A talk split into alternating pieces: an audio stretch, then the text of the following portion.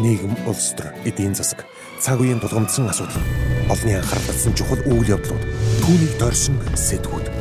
Бид чухал үйл явдлын эздийг тэмдэгч харин тэдний байр суурийг тодорхой мэддэг.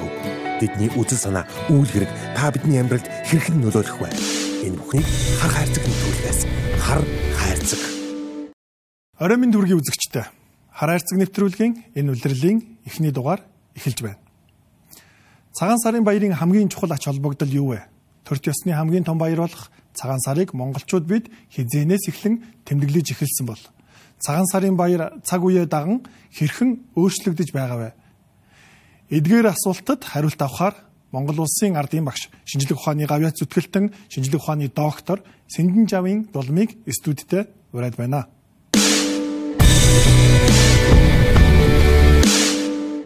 За сайн байна уу та? Сайн сайн байна уу? За хоёлаа одоо төд удалгүй болох гэж байгаа Монголын маань уламжлалт сайхан баяр, цагаан сарын баяр. Баярын талаар ерөнхийдөө ярилцъя гэж бодлоо. Гэхдээ сүүлийн үеийн цагаан сарууд их онцлогтой цагаан сарын ийм сонин жилүүд болоод байна. Тийм. Харамсалтайгаар одоо энэ олон улсыг дэлхийд даяар хамарч байгаа цар тахлын үед энэ ер нь Монголын ч гэлтгүү олон улс үндэстний ийм уламжлалт баярууд бас арай өөр хэлбэр шинжинд ороод байна уу? Тэгээд энэ баярынхаа энэ ач холбогдлын талаар одоо энэ талаар Монгол бэлэгдлийг Монгол соёлыг одоо олон жил судалж байгаа тантай бас юм ярилцъя гэж бодлоо. Тэгэхээр а ер нь бол сүүлийн одоо 2 одоо баг 3 дахь жил рүү орж байна.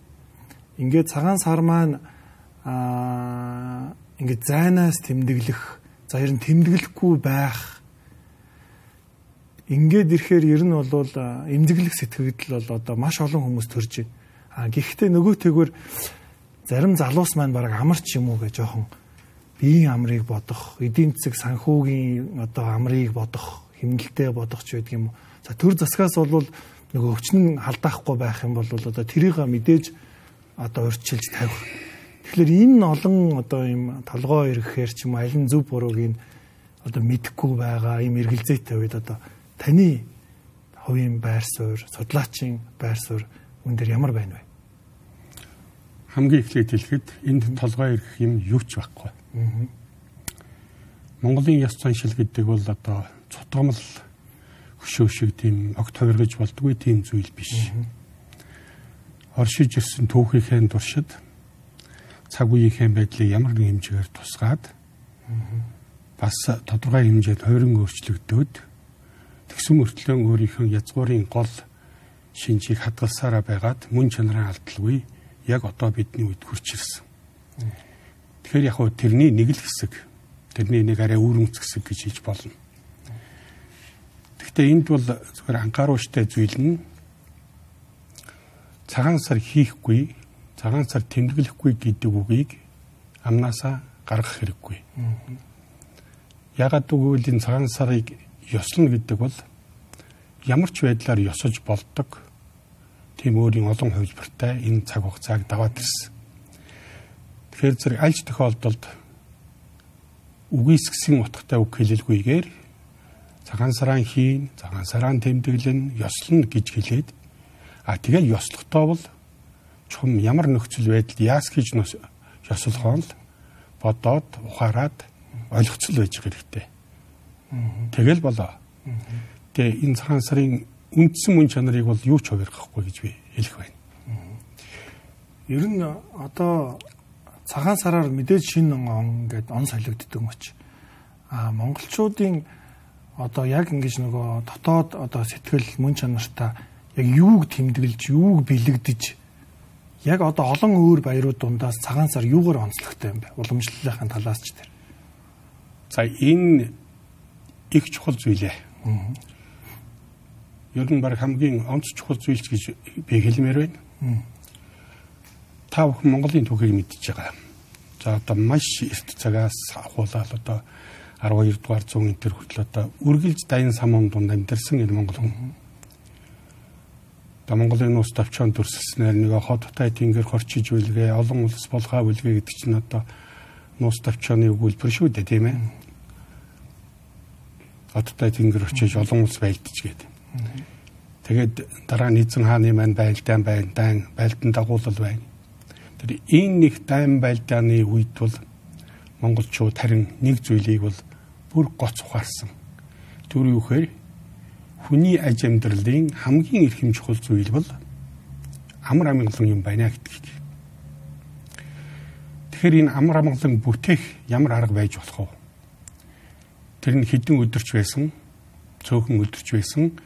Тэр амар амгалан яаж бүтээх үү гэдэг аргыг бодож тэгээд энэ бол юуны өмнө цагаан сарын баяр мөн байна гэж бодож олсон гэж хэлж болно.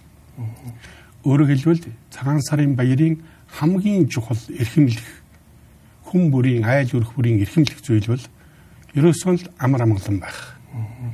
Энэ амар амгалан амьдралаа бэлэгдлийн ертөнцөөр бүтээх энд л оршиж байгаа. За түүнээс биш тухайн жилүүддээ тухайн үедээ яг ямар байдлаар ёслох вэ гэдг нь бол өөр асуудал.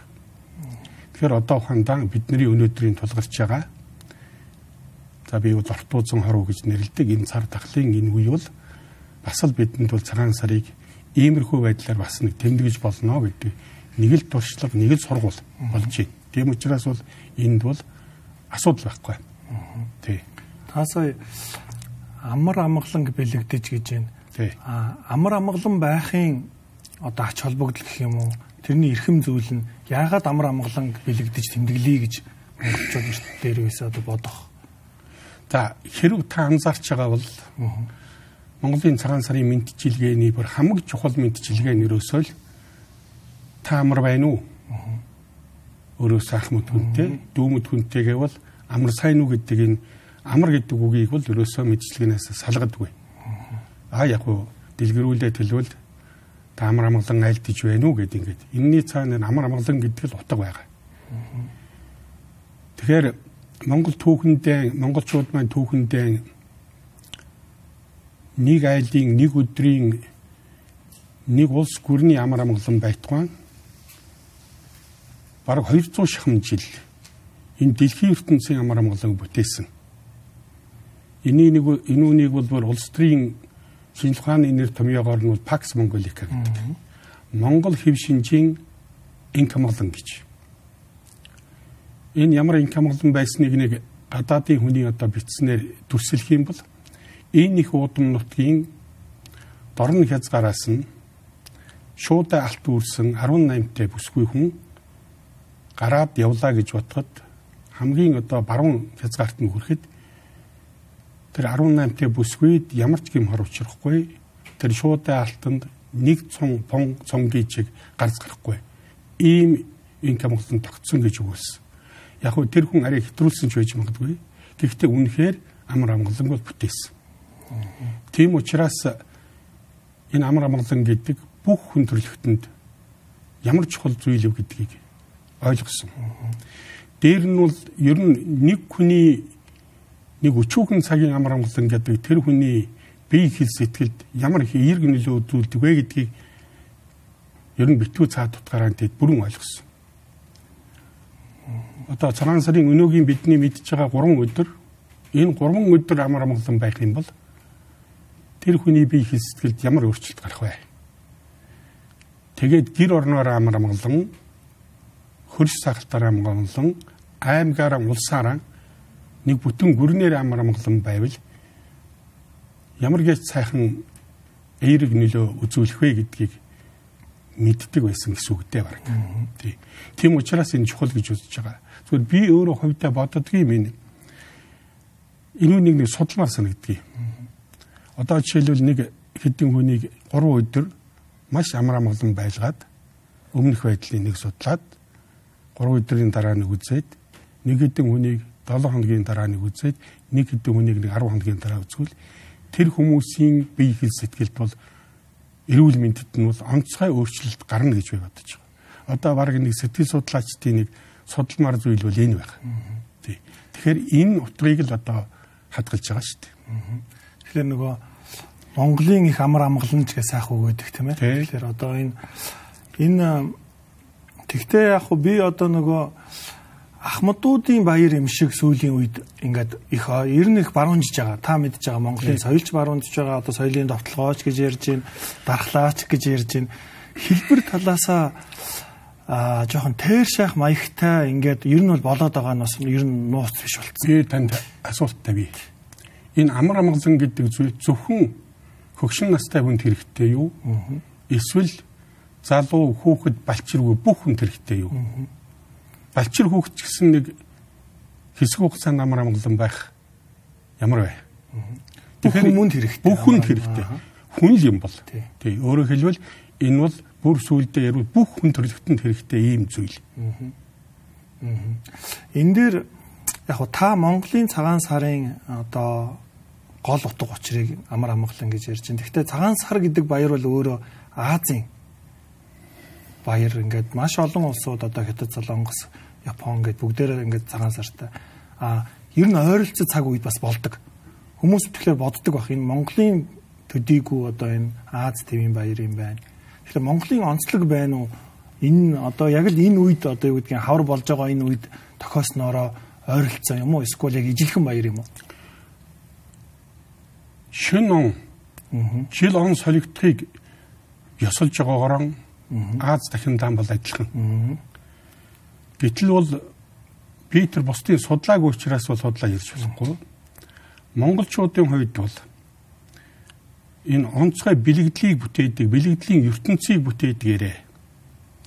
А түрүүний хэлдгээр миний амар амгалангийн одоо дээдийг бүтээх гэж ирмэлцэдгээрээ бол магадгүй ялгарч яж магадгүй тэр дутмаан Монголын энэ баяр бол бүх Азийнхнаас ялгарх нэг онцгой шинж байгаа.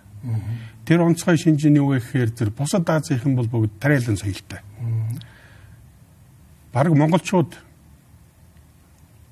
одоо бусад өөр ямар газар байдгийг мал ахын соёлтой.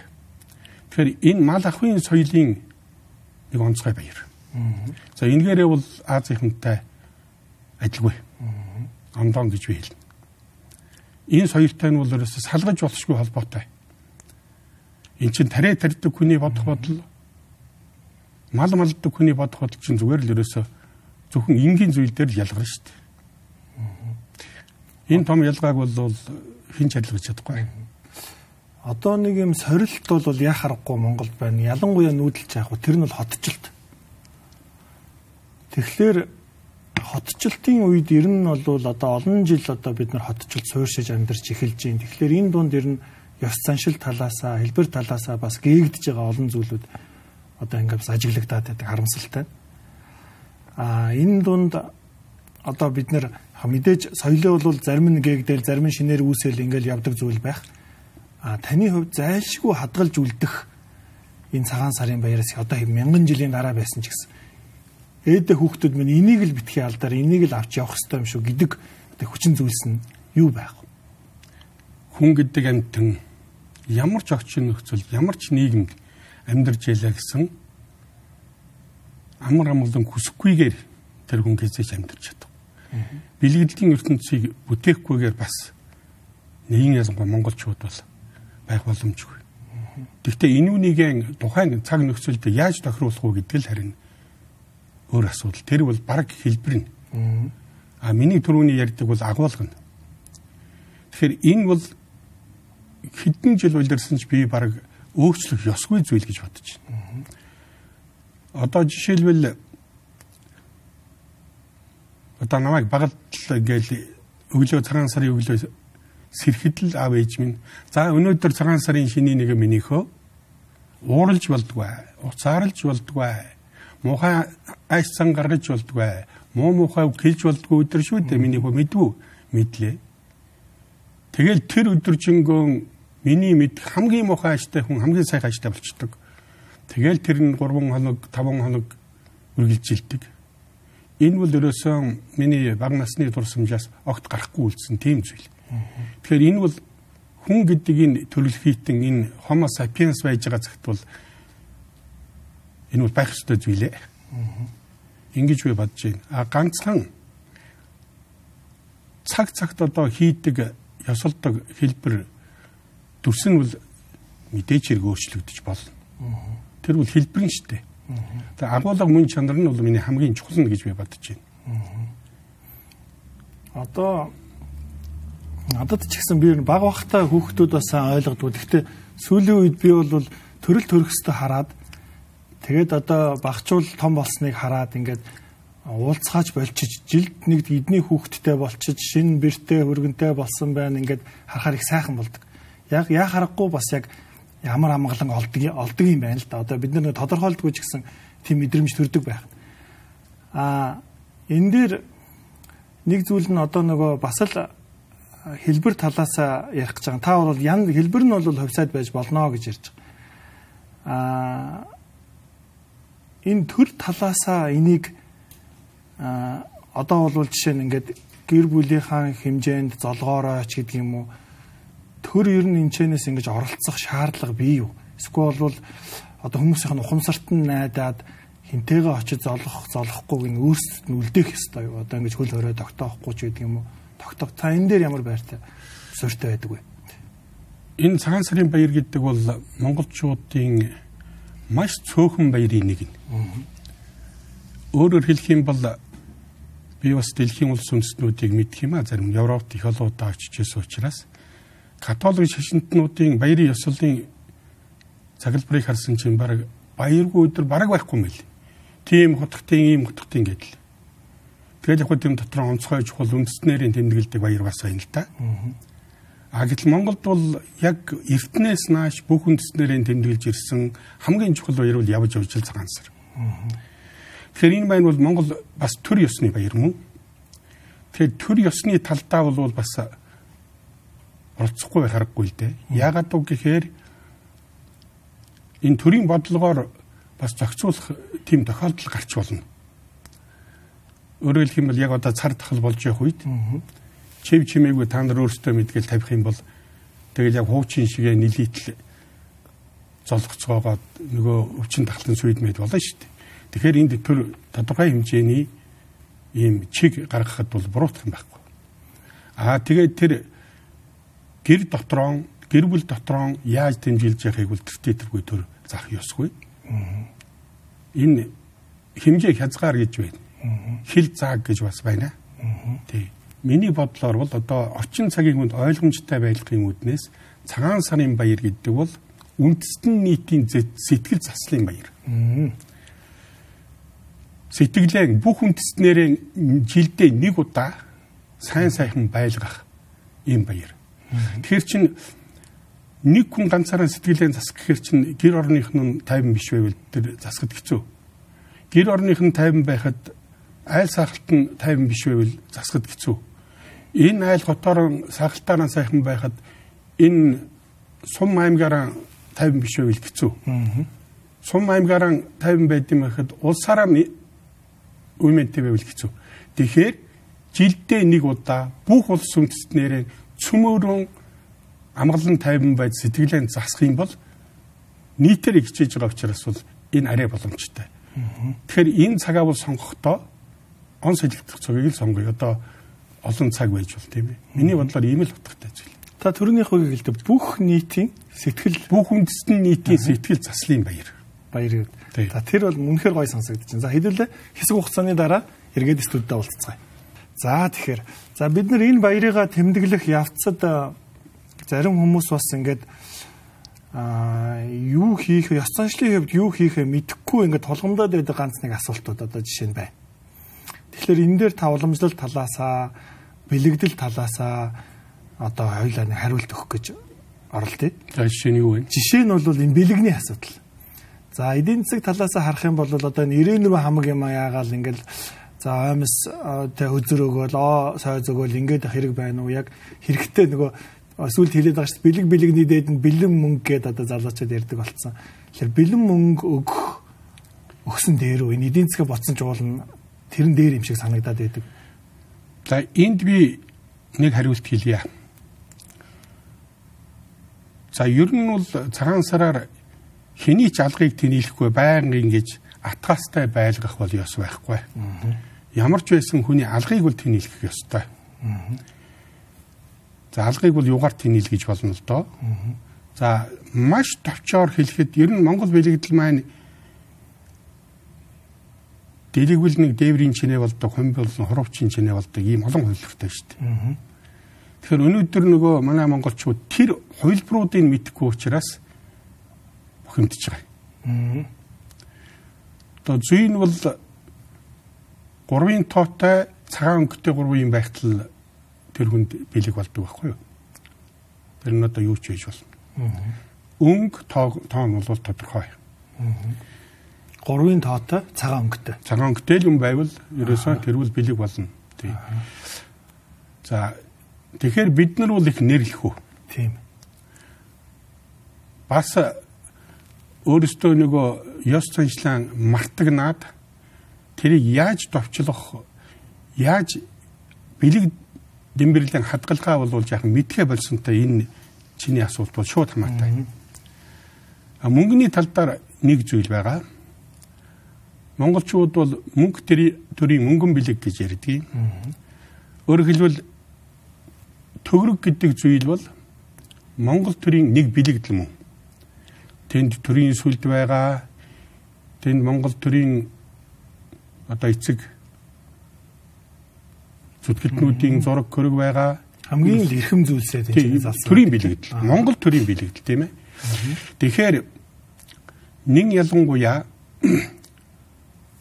ажил үйл хөдөлмөр эрхэлж байгаа хүн тэр Монгол төрөөс авч байгаа тэр бэлэгнээсээ бусадтай хуваалцах нэг үүрэг байдаг. Өөрөөр хэлбэл чи за тэр төрийн биш байсан ч хамаагүй шүү дээ. Тэр чин тэр хувийн гэрчлийн байгуулагч гэсэн төгрөгөөр л цалинжиж байгаа үстэй. Тэгэнгүүт тэр төрөөс одоо соёргосон тэр хишгийг ганцаараа халааслаад өвөрлөөд байж болохгүй. Бас бусадтайгаа хуваалцах үүрэгтэй. А энэ хуваалцах үүрэг нь ихэнхдээ хамгийн ойр дотны хүмүүсийн дунд бол илүү байх ёстой. Аа. Жишээ нь одоо эцэг хөвгүүдийн дунд, ээж охтын дунд, ах дүүсийн дунд. Аа. Өөрөөр хэлбэл би ажил хөдөлмөр хийгээд иймэрхүү төрлийн гişгийг хүртэж байна. Энэ гişгээс одоо танд би энийг барьж гин гэсэн утга бол сайхан бэлэгдэлтэй утга шүү дээ. Мөнгө төрийн мөнгөн бэлэг. Мөнгө төрийнхээ мөнгөн бэлэгнээс өөрөө би ганцаараа ингээд халаас руугаа хийгээд тэгэл чамд нэг ганц төгрөгчийг халаахгүй байлгана гэдэг чи одоо ямар ёс вэ? Утга нь үл энэ дараа харин энэ төрийн бэлэгдлийг хээр уул аваад хад чулуун дараа бичиж хайж харин болохгүй. Энэ бол ёстой буруу. Одоо ингээд харахад энэ аваагаар дүүрэн элбийн тий тэр бол жинхэнэ буруу. Тэр мөнгө төгрөгч нь Монгол хүнээс Монгол хүндээ хүүгээс аавда тэгээд тэр нь цаашаа өөр ямар гэчиг ач тустай зүйл бүтээх гэж байгаа. Эрүүл мэндийг бүтээх гэж байгаа мó, дутагдал ачааллыг нөхөх гэж байгаа мó. А тэр тохиолдолд тэр бол бэлэг болчихно. Тэгэхээр би нэг л талын ярьж байна шүү дээ, тийм үү? Тэрнээс гадна өөр юмнууд байж болно гэж би хэллээ шүү дээ, тийм ээ? Тий. Тэгэхээр энэ бол огт болохгүй зүйл биш. Болохгүй зүйл бол биш. Ягаад тэгэхээр тэр төрийн бэлэгдэл гэдэг утгаараа. Маш зөв. За за нэг энэ асуултан дээр хоёлаа дараагийн нэг асуулт байна. Одоо мэдээж яг хуу нутаг ус газар зүүн байшил онцлогоос шалтгаалаад хин цагаан сар хийх үү, хин хийхгүй юу гэдэг зүйл дээр одоо би одоо ингээд 40 хүрж байгаа дөрвөн хүүтэй айлын одоо хоёр дахь хүү өөрөө гэр бүлтэй тэгтээ яг өвөө эмээ маань бол одоо бурхан болсон. Тэгтээ аав маань байдаг. Тэгээ ингээр яг хин ер нь аль цагт цагаан сараа тэмдэглэж эхэлсэн, тэмдэглэж болох юм баяр баяр юм бэ уламжлалаа. За тэгэхээр юуны юм цагаан сараа хийхгүй энэ төр гэдэг үгийг бол бүр хаяа. За. За магадгүй чи хийхгүй гэж бодсон ч гэсэн битгий хэл. Тэр үгийг битгий хэл. Дор хаяхад цагаан сарын шиний нэгний өглөө сүйтэй цай уусан л чи цагаан сараа ёсолж байгаа хэрэг. Цагаалганаас амссан л чи цагаан сараа хийж байгаатай ялгаагүй бага юм шиг санагдаж байна уу? Гэвч энэ бол яг цагаан сарын ёслолын чинь хамгийн бэлэгдэлтэй хоёр зүйл нь. Тэгэхээр угаасаа хийхгүй гэж байдгүй юм. Хийхгүй байна гэдэг бол зүгээр амны алдас. Муу ёрын үг. Тэгэхээр ер нь бол хичнээн залуу гэр бүл байсан ч гэсэн өглөөнөө цайгаа чанаад цагаалаад тэгээд Ингээд Ахмадынд очиж зоолгоно уу? Тэр чинь харин тий. Тэр чинь тэгээд цагаан сар байхгүй юу? Тий. Одоо чи цагаан сараар чи Абман амьд байгаа гэж ярьж байна. Аавтайгаа золгохгүй байх уу? Золгоно. Гэхдээ тэгээ золгуул тэр цагаан сар шүү дээ. Өнөө хийхгүй гэдэг чинь хайж юу? Нөгөө тэмдэглэхгүй гэдэг чинь юу вэ? Юу муу юу? Тэр чинь юу гэсэн вэ? Би аавтайгаа золгохгүй. Гэсэнтэй л ялгаагүй шүү дээ. Зөв зөв. Золгуул цагаан сараа хийсэн чи. Тэгэхээр энийг энэ одоо ерэн залуучууд маань ч гэсэн ер нь бол ингээд байнга л нөгөө хүн хэлэхээс нааш гэж байнга л хэлж явах хичнээн ойлгомжтой юм шиг мөртлөө одоо байнга л хэлж явах хэрэгтэй юм шиг байна. Ялангуяа одоо олон жил одоо гадаадад амьдарч байгаа олон гэр бүлүүд байдаг. Ганцаараа оюутан байгаач залуучууд байдаг. Өнөөдөр бас Монгол ахуйгаас жоохон хол өсөж байгаа тийм. Тэгэхээр ер нь бол гадаадад одоо ганц бие оюутан байсан ч гэсгэл энэ бол сэтгэлдээ тэгээд энэ одоо ганц нэг энэ чухал уламжлалаа одоо цагаалах байдаг юм уу цайгаа чанах мөрөө гаргах ч байдаг юм уу те ингээд тэмдэглэж бол болох нь байна. Гэхдээ чи ганцаараа нэг өрөөнд байдаг тийм ээ. Үнэндээ ойр хавьд ямар ч хүн алга тийм үү? Гэхдээ чи өглөө өсөөтэй хавь уучвал тэр цагаалга болно шүү дээ. Тий. Тэгээ чи цагаан сараа хийж л байгаа байхгүй юу? Аа Тэр цагаан гэдгийн учиртал хамгийн юм байна. Аа. Тийм ээ. Чи цайны ер нь кофе уудаг хүн байна. Аа. А чи тэрийг нэг сүү сүлээл уучих юм бол тэр цагаан сар болчихно. Аа. Бүр хингийн штэ энэ чинь. Аа. Тэгээ ийм энгийн юмыг өөрсдөө толгой дотроо хүндрүүлж төсөөлөөд хүндрүүлж бодоод тэр үнийг хүндрүүлсэн эвгүй үгээр ярьдаг чинь л буруу. Аа Тэг улмаар тэр шаж эхлэх нь улмаар тэр шаж эхлэх нь. Үгүй хичнээн хялбархан. Зүгээр өдөр бүрийн аж амьдралтай чинь яг адилхан дээ заримдаа. Чи өдөр болгон би амьдрмааргүй байх гэж хэлэхгүй. Би маргааш амьдрмааргүй байх гэж хэлэхдээ ялгаагүй байхгүй? Тий. Цагаан сар хийхгүй гэдэг үг чинь би маргаашнаас эхлээд амьдрмааргүй байна гэсэн л үгтэй адилхан тийм муу ярыг өгшүүл гэдгийг л одоо бодох хэрэгтэй. Тэр энэ цагаан сар гэдэг нэрийг хэд хэд үүссэн мэс ингээд бас хүмүүс их ярьдаг юм. За миний мэдхээр бол Казаны их сургуулийн Монгол судлаач одоо Бориад эрдэмтэн Дорж Ванзару гэдэг хүн 1846 онд Билдимяс Празнавайны ново года у Монгол билүү нэг ийм эрдэм шинжилгээний үгэл бичсэн. Дашрын дуртахад бол энэ орчин цагийн шинжлэх ухааны цагаан сарын тухай бараг хамгийн анхны судалгааны өгүүлс шүү. Тэр үгний ихний Белимиас гэдэг үгийг одоо чи шууд ойлгож байгаа. Энэ бол цагаан сар гэсэн үг. Одоо Бориадараа хэлэхээр цагаан хараа гэж хэлнэ. Тэгээд сагаалган гэж дуудана. Тийм ээ. Тэгэхээр энэ бол цагаан сар гэдэг нэр томьёо байсны эрдэм шинжилгээний шинжлэх ухааны гол нотлогоо. 1846. 1846. Тийм. За би тэрний урд тогтоо олон түүхийг бол зөндөө юм ярьж болно л да. Би зүгээр энэ цагаантай холбоотой асуусан учраас хийж байгаа. Тэгээд угаасаа монголчууд маань бол түрүүн би хэллээ. Энэ одоо цагаан өнгийн яг өнөөдөр бол болоханда миний ч гэсэн цагаан өнгөндөө орно. Ер нь хар ураан биш л байх хэвээр. Тим гигэн өнгөтэй юм байх хэвээр. Тим хувц сундар өмсөн. Тэгээд идэ хамгийн гол цагаан сарын чинь идэ бол ерөөсөн тэр цагаалаг гэдэг идэ байхгүй юу? Харин цагаалаг огт хийгээгүй бол тооцохгүй. Тооцохгүй. Тий. За бүр тийм гачигдал зовлонтой ядуу айл байгаад сүйтэй цай чанаа дуучхад цагаалга болдог байхгүй. А жинхэнэ цагаалга маань бол нөгөө арц гэдэг тэр олон мөхлөгтэй идэг олон сайхан юмар амтлаад буцалгаад хөл салдам болгоод ууж яхийг л цагаалга гэж байна ойлголоо. Маш тэр үнийг л хүртсэн байхад бай шүү. Чивэл цагаан сараа хийцэн л гэсэн үг. Тий. Нэг юм хууч ярэ байд юм л да. Нэг нутгийн их баян хүн.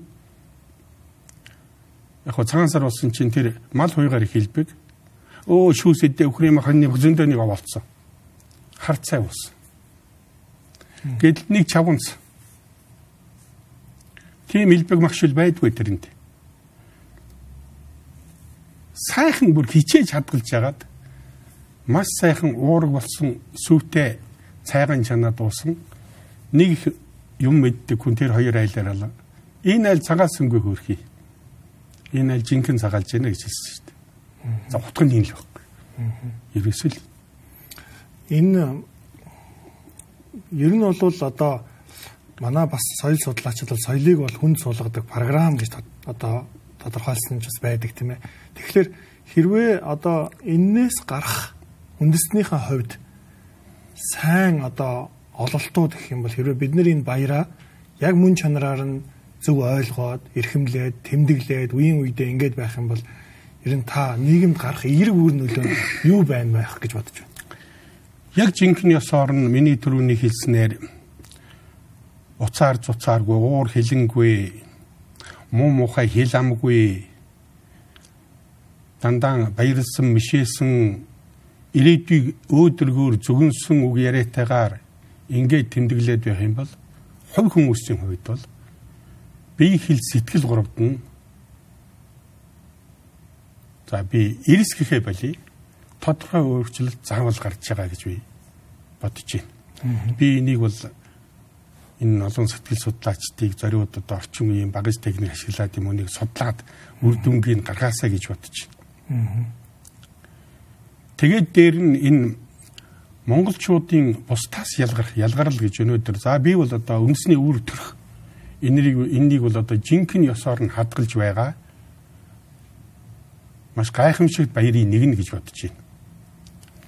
Тэгэхээр энэ бол нөгөө монгол хүн амны бэлгэрээ гэдэг шиг ирээдүйд тэр айл өрх тэр аймаг угсаа тэр монгол хүн тэр монгол орн монгол улс өөдөл нь дивчхийн дээдлэхийн зөвгнөл болно гэж бодож байна. Энэ дээр та олон жил ингээд яг энэ сэдвийг судлаад ингээд ажиглаад явж хахад өнөөдрийг хүртэл бид нарыг одоо хадгалж үлдсэн олзуурах хууштай нэг зүйл та одоо баярлаж явдаг өнөөдрийг хүртэл хадгалж үлдсэн нийгмаар бахархдаг гэх юм бол өнөөдрийн монголчуудынхаа одоо цагаан сарыг эрхэмлэх одоо соёлоос юу юугаар нь бахархдаг олзуурах хууштай зүйл. За ер нь бол цагаан сар гэдэг энэ баярыг маш их зовлон туулсан баяр шүү дээ. За 37 оны хилмигдлээс хойш цагаан сарын баярыг бол бүр хаасан. Тэгээд дараагаар нь 44 онд гандан хийдийг сэргээгээд за тэр бол нөгөө Америкийн дэдэр инхлэж Вэлс альцдагтай холбоотой шүү дээ тийм ээ. Монгол цаглбараа буцааж хэрэглээд тэгээд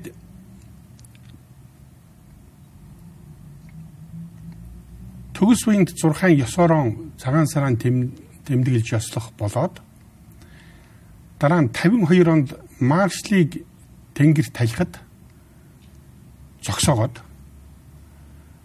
тэгээд 60 онд эхлээд нийлжтийн баяр гэдэг нэрээр сэргээд малчтын баяр нийлжтийн баяр нэртэй байгаад 88 онд цагаан сар гэдэг орчин үеийн утгаараа бий болж хадгалсан. Энэ бол монголчуудын бахархууштай баярлууштай ер нь 88 оноос хэлсэн цагаан сар бол үнэхээр тэд өөрсдийнхөө Монгол хүн гэдгээ мэдэрч хэлсэн үндэсний өвөр төрхөн олж харсан, ижилсэл ондоочлоо ухаарсан тийм үйл явдал болсон гэж би бодож байна. Өөрөөр хэлбэл өнөөдөр хүртэл одоо түүхийн энэ инхэл донхол үеэр бид нар энэ соёлоо хадгалсаар хадгалаас хадгалсаар ирсэн. А тэгээд дахиад юунд баярлдгүү гэхээр би ер нь сүүлийн эдэн жил анзаарч зориуд сургалдаг. Цагаан сарын шөнийн 3 өдөр ирүүлжүүлэхэд хонсон хүн ер нь дуулддаггүй. Харж ийн тэгэхээр чинь эн чинь бид нар чинь бас ариг талсанд чамгүй дуртай уухаараа уурал цогтуурхдаг ийм айхтруулсан шүү дээ. Гэхдээ энэ 3 өдөр ягаад ирүүлжүүлэх хоосон байгаад байна? Тэгэхээр эн чинь миний нөгөө төрөүний хилээд байгаа бодиттой биелэх боломжтой зүйл гэдгийг л харуулдаг байхгүй юу? За За ингээд нэвтрүүлэг маань төр завсарлаж байна. Тэгээ хэдхэн хормын дараа эргээд студидтэй уулзцгаая. За ингээд хэдүүлээ ярилцлага үргэлжлүүлье. Тэгэхээр түрүүний асуултынх нь одоо нөгөө тал нь гэсэн үг. Сэтгэл эмзэглүүлдэг зүйл танд байна уу? Засчаасаа монголчууд минь болж игэл энийг л нэг засчих юмсан да гэж. За би монголчуудаас ганц юмыг л хийх хүсдэг юм. Жил болгон хүсдэг юм да. цагаан сараан дөхөөд ирэхээр нь энэ баяраан элдвэр харааж гойчлтгоол болчихосоо л гэж би ганцхан зүйлэл гоё. Тэгсэн мөртлөө тэгэл цагаан сарын шинийн нэгнэр л нөгөө гойчилж элдвэр хараагаад зарим нь доромжлоод байсан баяраан зарим нь бүрч баяртай нарахгүй тэмдэглэдэг штеп. Тийм байж иж наан нь битгий элдэв муугаар хилээчээл гэж би гуйж байна.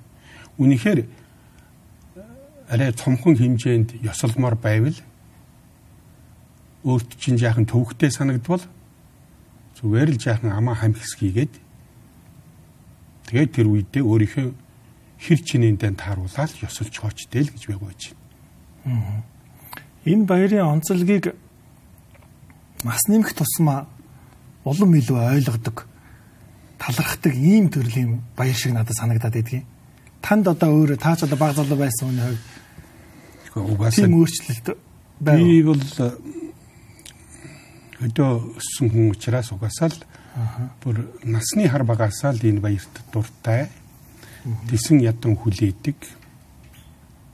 Тэгээд яг нь Монгол соёлыг судлаач болсны учраас энэ учир утгыг нь бол улам нарийн мэдих шаардлага гарсан. Тэгээд бидсэн юм аа бол иймэрхүү арга замаар бас олон нийтэд хүргэх ийм нэг учир ерөөл таарсан. Тэгэхээр энд бол би хамгийн гол юм бол энэ Монголынхаа бэлэгдлийн энэ агуу их дэлгэр ёс. Тэгэд ингээд товчлон хураангуйж болдог энэ ёс хоёроо зөв ойлгосоо гэж. Төгшөө хийхээ оронд одоо ямар замаар өөрийнхөө хэр бинчин тааруулаад а тэгтээ утга бэлэгдлийн хадгалаад миний түрүүний хэлсэн хідэн гол юм хадгалаад болгочихвэ гэдгээл бодож бясалгаж үзээсэй л гэж. Ингэж л хүсэж байгаа. Түүнээс биш одоо иннээс түүхтэй юм хүний амьдрал зөндөө штэ. Тэрүүнд нь яадгүй байж ич тэр тэр шаадгүй байж ич.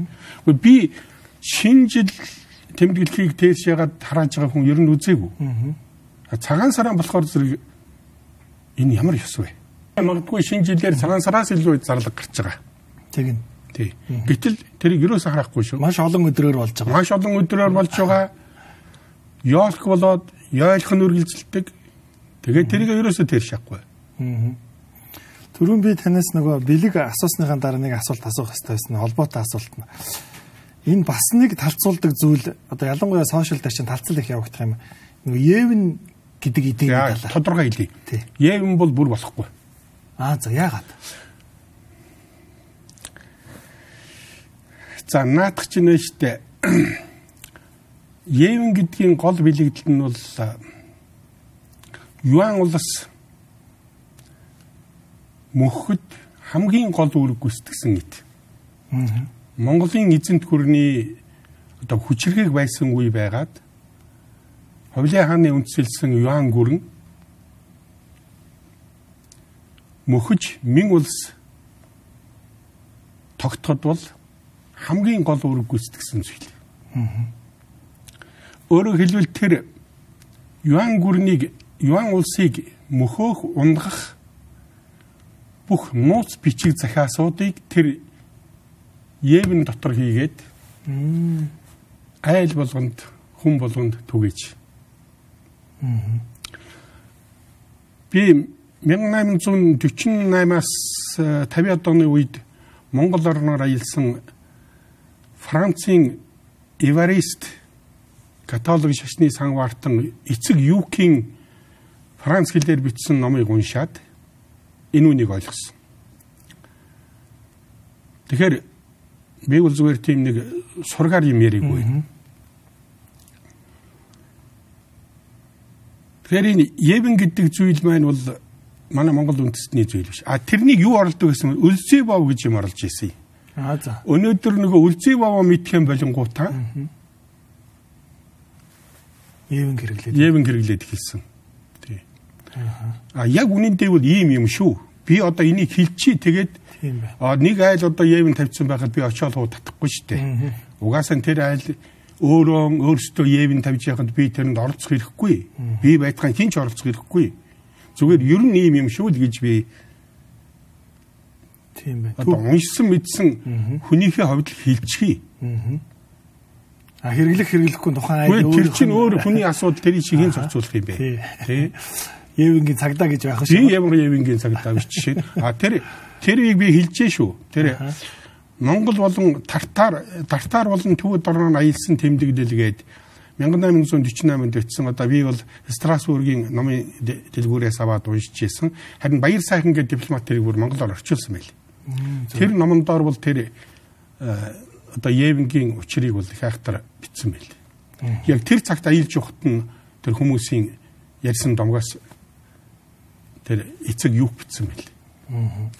Би би өөрөө ч мэдэхгүй шүү дээ Евингийн учрыг. Тийм. Урд нь болт. Тийм байна. За наадах чиг сонирхолтой одоо юм түүхийн их сурвалж баримтан дээр та одоо үнсэлж ярьлаа тийм ээ. Идэ шүүсэн дээр бас хүмүүс хэсэг айл нь бол мэдээж сайхан ууц тавьдаг, зарим нь бол ингээ өхрийн өвчүү тавьдаг. Тэрэн дээр ямар нэгэн одоо нутаг нутгийн соёл юм уу? Энэ яагаад юм бэ? Ээ за наадах чинь байна. Нөгөө миний яриад байгаа Монгол билэгдлийн дэлгэрэнгүй болоод хураангүй ёсын ил мэддээгүйгээс л өнөөдөр энэ одоо та нар дахиад битгий ууцны хэрүүл хийж үзээрэй. За ягаад вэхээр энэ Монголын эдийн шүүс чинь хідэн үе зэрэгтэй. Бүүр дээр үедээ бол тэр хонин зум гэж бүхэл бүтэн хонин гэж тавьдаг байсан нэг эдээ байсан тийм. За тэгээд тэрний дараагийнх нь бол одоо их бүхэл шүүсгээд твхэн ууцтай таван түрүү махтайгаан төөлөйтэйгэн гургалдаатайгаан энүүнийг бол хэлж байгаа. Тэгэхээр эн чинь бол төрийн эдэн шүүс шүү. Одоо манайхаар бол одоо ерөнхийлөгч юм уу? За нэг аймгийн засаг даргач юм уу? Нэг тийм төрд нэг тэрүүн өөр гүйцэтгээд байгаа хүний тавих зүйл. А тэрний дараа бол дунд бүхэл шүүс гэдэг бол тэр одоо төөлөө болоо дөрвөн шир юм орохгүйгээр за тэгээд ууцтайгаан одоо энэ бол их настай намтай хүний одоо 70-аас дээш насны ч юм уу да бараг л за яг хуу 65-аас дээш насны ч юм уу. Одоо их их одоо настай намтай болсон энэ ертөнцид их юмыг үзэж илээсэн хүн тэр хүнийг хүндэтгээд гэрийнхэн нь одоо миний өвөө, миний аав ийм тавьдаг идэ. А зүгээр ерийн айлууд бол тэр хонин шүүс гэдгийг чинь төлөөлдөг цээж талын төлөөлдөг энэ 74 өндөр тэр хойд биеийн төлөөлдөг хонтой шагант дотор биеийн төлөөлдөг гургалдай за тэгээд яг хуу айл бол уурах сүлтээ тавьчихаараа нэг бүтэн хоног байхгүй. Үгүй энийгээ мэдэхгүйгээсээ болоод л а тэр сая миний имийг тавьсан бол нэг бүтэн хон тавьсан гэсэн үг байхгүй. Тийм байна. Тий.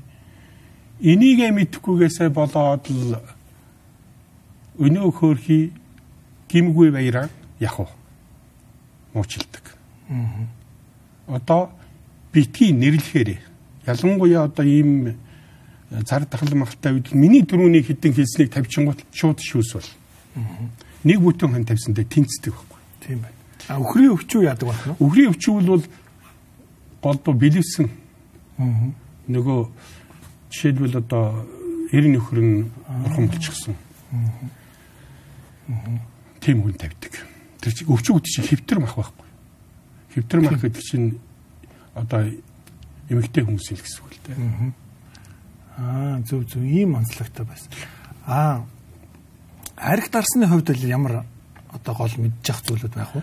Үгүй, ер нь- цагтаа арх дарс бол зочиндоо барьдаг байсан уу? За тэр би тэр үед амьдарч үзээгүй л дээ. Гэхдээ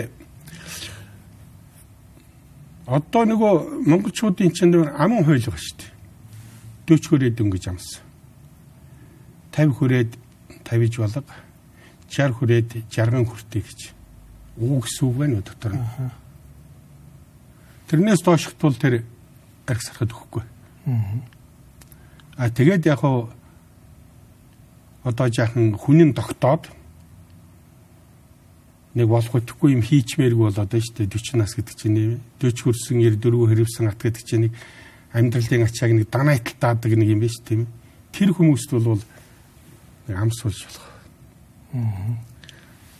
Тэгээ 50 хүрсэн хүнд бол яг нэг сайхан яаралгүй Цүл цүл хийтэлтэн залгилгүй балгас хийгээд.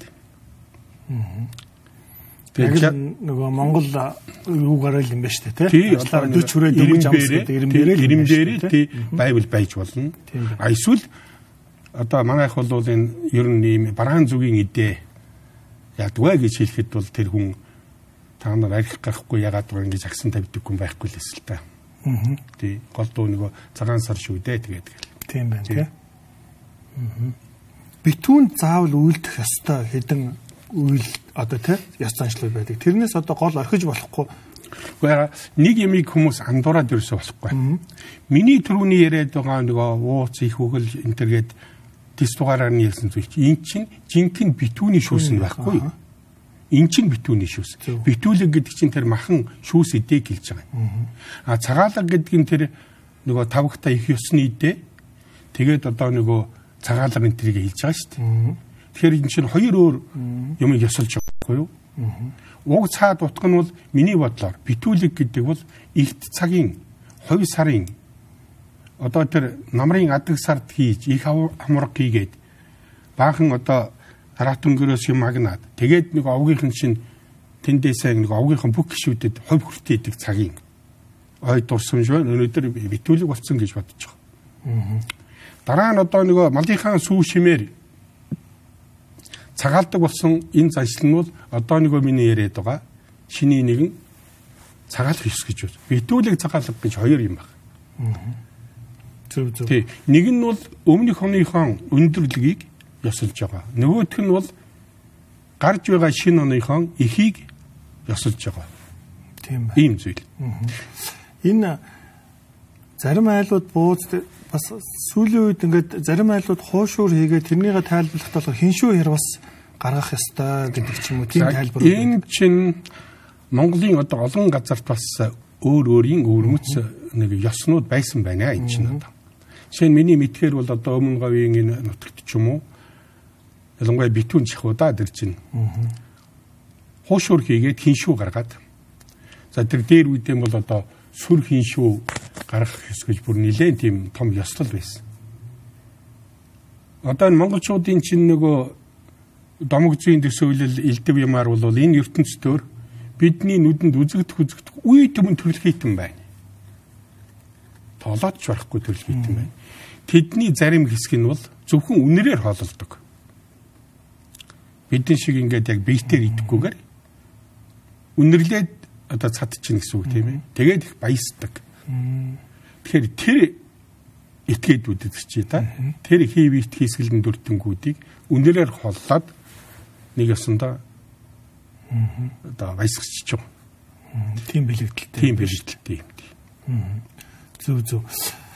Тэгэхээр миний асуултанд хашигдалгүйгээр тань дээр Монгол түмэндээ хандаад энэ баяртай холбоотойгоор одоо захих гэдэг юм уу тийм зүйл байна хоёулагийн нэвтрүүлгээр нь цаг За тгий. Тэгэхээр ийм байна.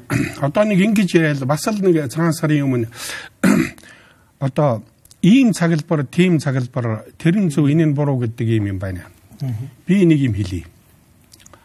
Улс үндэстэн болгон өөрийнхөө он солигддог энэ цагийг тэмдэглэдэг юм баяр ёслолтой. Өөрийн цаглбартай. Энэ цаглбар нь юунаас хамаардаг гэж энэ байгаль ертөнцийн үзэгдлээс хамаардаг. Ухаантай нарны цаглбараар явдаг. Сарны цаглбараар явдаг. Тэр нь манай бэлгийн үйлрэл. Бидний одоо ёслох гэдэг ба тийм. Тэгэхээр энэ Монголын энэ одоо цаглбар чинь бол энэ сарны үзэгдэх хэмжээ хугацаа энэнд тохируулсан ёс байхгүй юу? Тэгэхээр энэ сар гэдэг юм чинь шүү дээ. Энэ бөмбөрцөг дээр оршиж байгаа нутаг дэвсгэрийн хүн зонд харагдахтан аль аль өнцгөөр харагдана бүгд ялгаатай. Энийг бол одоо нутгийн сав газрын савын хуваар гэж ярьж байгаа. Сачаа гэдэг. Энэ хуваараар нь тэр цаглбарыг хийдэг. Жишээ нь халуун бүсийн одоо экваторын бүсэд чинь энэ сар яаж харагдах юм? Тэрнээс доошоо яаж харагдах юм? Наашлаад төвдийн оронд яаж харагддаг юм? Хятад яаж харагддаг, Монголд яаж харагддаг өөр харагдана шүү дээ. Өөр харагдана. А тэгэхээр зэрэг энэ газрын хуваарьт нь тааруулаад цаглбараа хийдэг. Энэ Монголын газрын хуваарьт нь тааруулаад хийцэн цаглбар байна. Энэ цаглбар нь төгс баясгалангийн 6. Энийг 1747 онд Сүм хам Ишвэлжир гэдэг хөхнөрийн Ишвэлжир гэдэг маш эрдэмтдээ хүн энэ бодоод гаргацсан ийм 6 гэдэн зэсэр гэж яг төвдөр хэлж байгаа. Тэгэхээр энэ бол Монголын цагийн хуваар тохирсон учраас ягаад вэхээр Монгол бусад орноос ялгарх онцлогтой. Дөрвөн улиралтай, их улиралтай, 24 бага улиралтай. Одоо жишээ нь яг өнөөдрийн энэ бол улирлын бага улирлын хувьд бол бага квитний үе шүү дээ. Одоо нөгөөдөр 20 гэхэд бол их квитний улирал гээд дараагийн улиралд нь 24 улиралтай.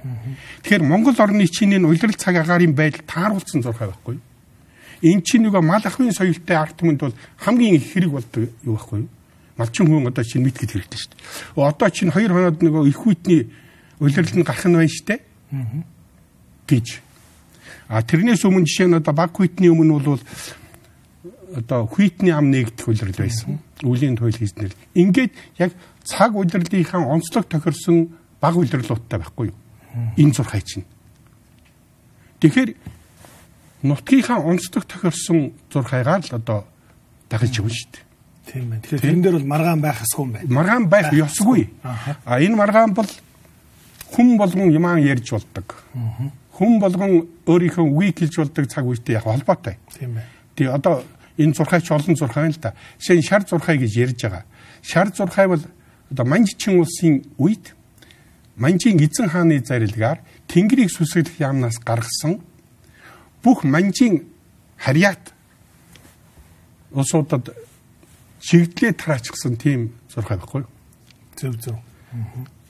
А тэгэхээр зэрэг тэнд чинь дөрвөн улирлгүйч газар биш дээ. Тэрэнд бол тэр шар зурхай таарна.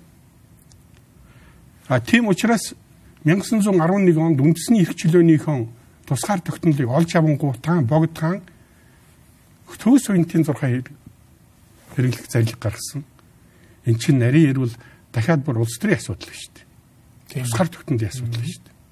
Азар бид Монгол хүний хийсэн зурхайт байхгүй юу? Тэгээ зурхай яагаад өөр өөр байдгийг гэхээр байна шүү дээ. Энэ манай дэлхий чинь жин бөөрн кивш. Жаахан цойцсон өндгөлж индүү. Тэгэд нөгөө тэнхлэг дээр ирэхээрээ зэрэг хоног болгонд өөр өөр цаг хугацаа гардаг байхгүй. Жишээ нь өнөөдөр 18-нд яг 24 цаг биш. 23 цаг 59 минут тэг бүхлийг хавах мянганы нэгтэй тэнцүү секунд тутана. Тэр 24 цагт чинь. Тэгээд дунджаар наваад үзэхээр ер нь жилд бол 23 цаг 56 минут л байдаг байхгүй юу? Тэгэхэр чин цаана нэг 4 минут илүү гараад шүү дээ. Угаасаа байгальдгийн чинь тэгэж хүнд зориулаад заавал 24 цаг эргэж халбгүй шүү дээ.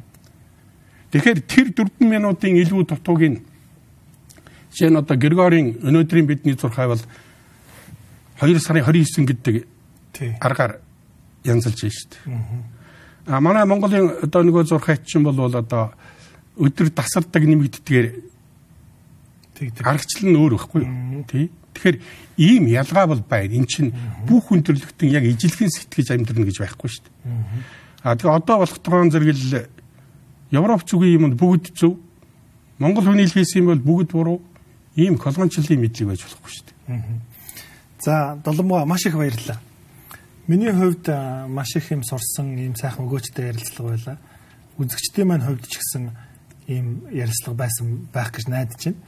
Аа тэгээд Монгол хүний хувьд бол энэ баяраа өөрөө дотроо юу гэж бодож сүсгэлж тэ ингэж ерэн сэтгэлдээ л хүн энийг яаж тээж явах уу гэдгээс л энэ баяр бол тээгдэж явах юм байна.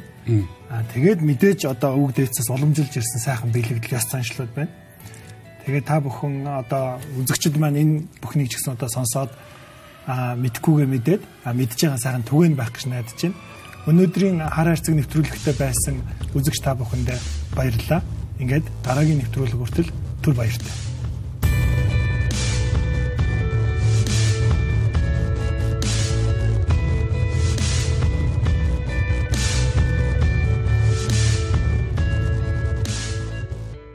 нийгэм улс төр эдийн засаг цаг үеийн тулгымдсан асуудал олонний анхаарал татсан чухал үйл явдлууд түүнийг дорсон сэдвүүд Бид чухал үйл явдлын эздийг таньдагч харин тэдний байр суурийг тодорхой мэддэг.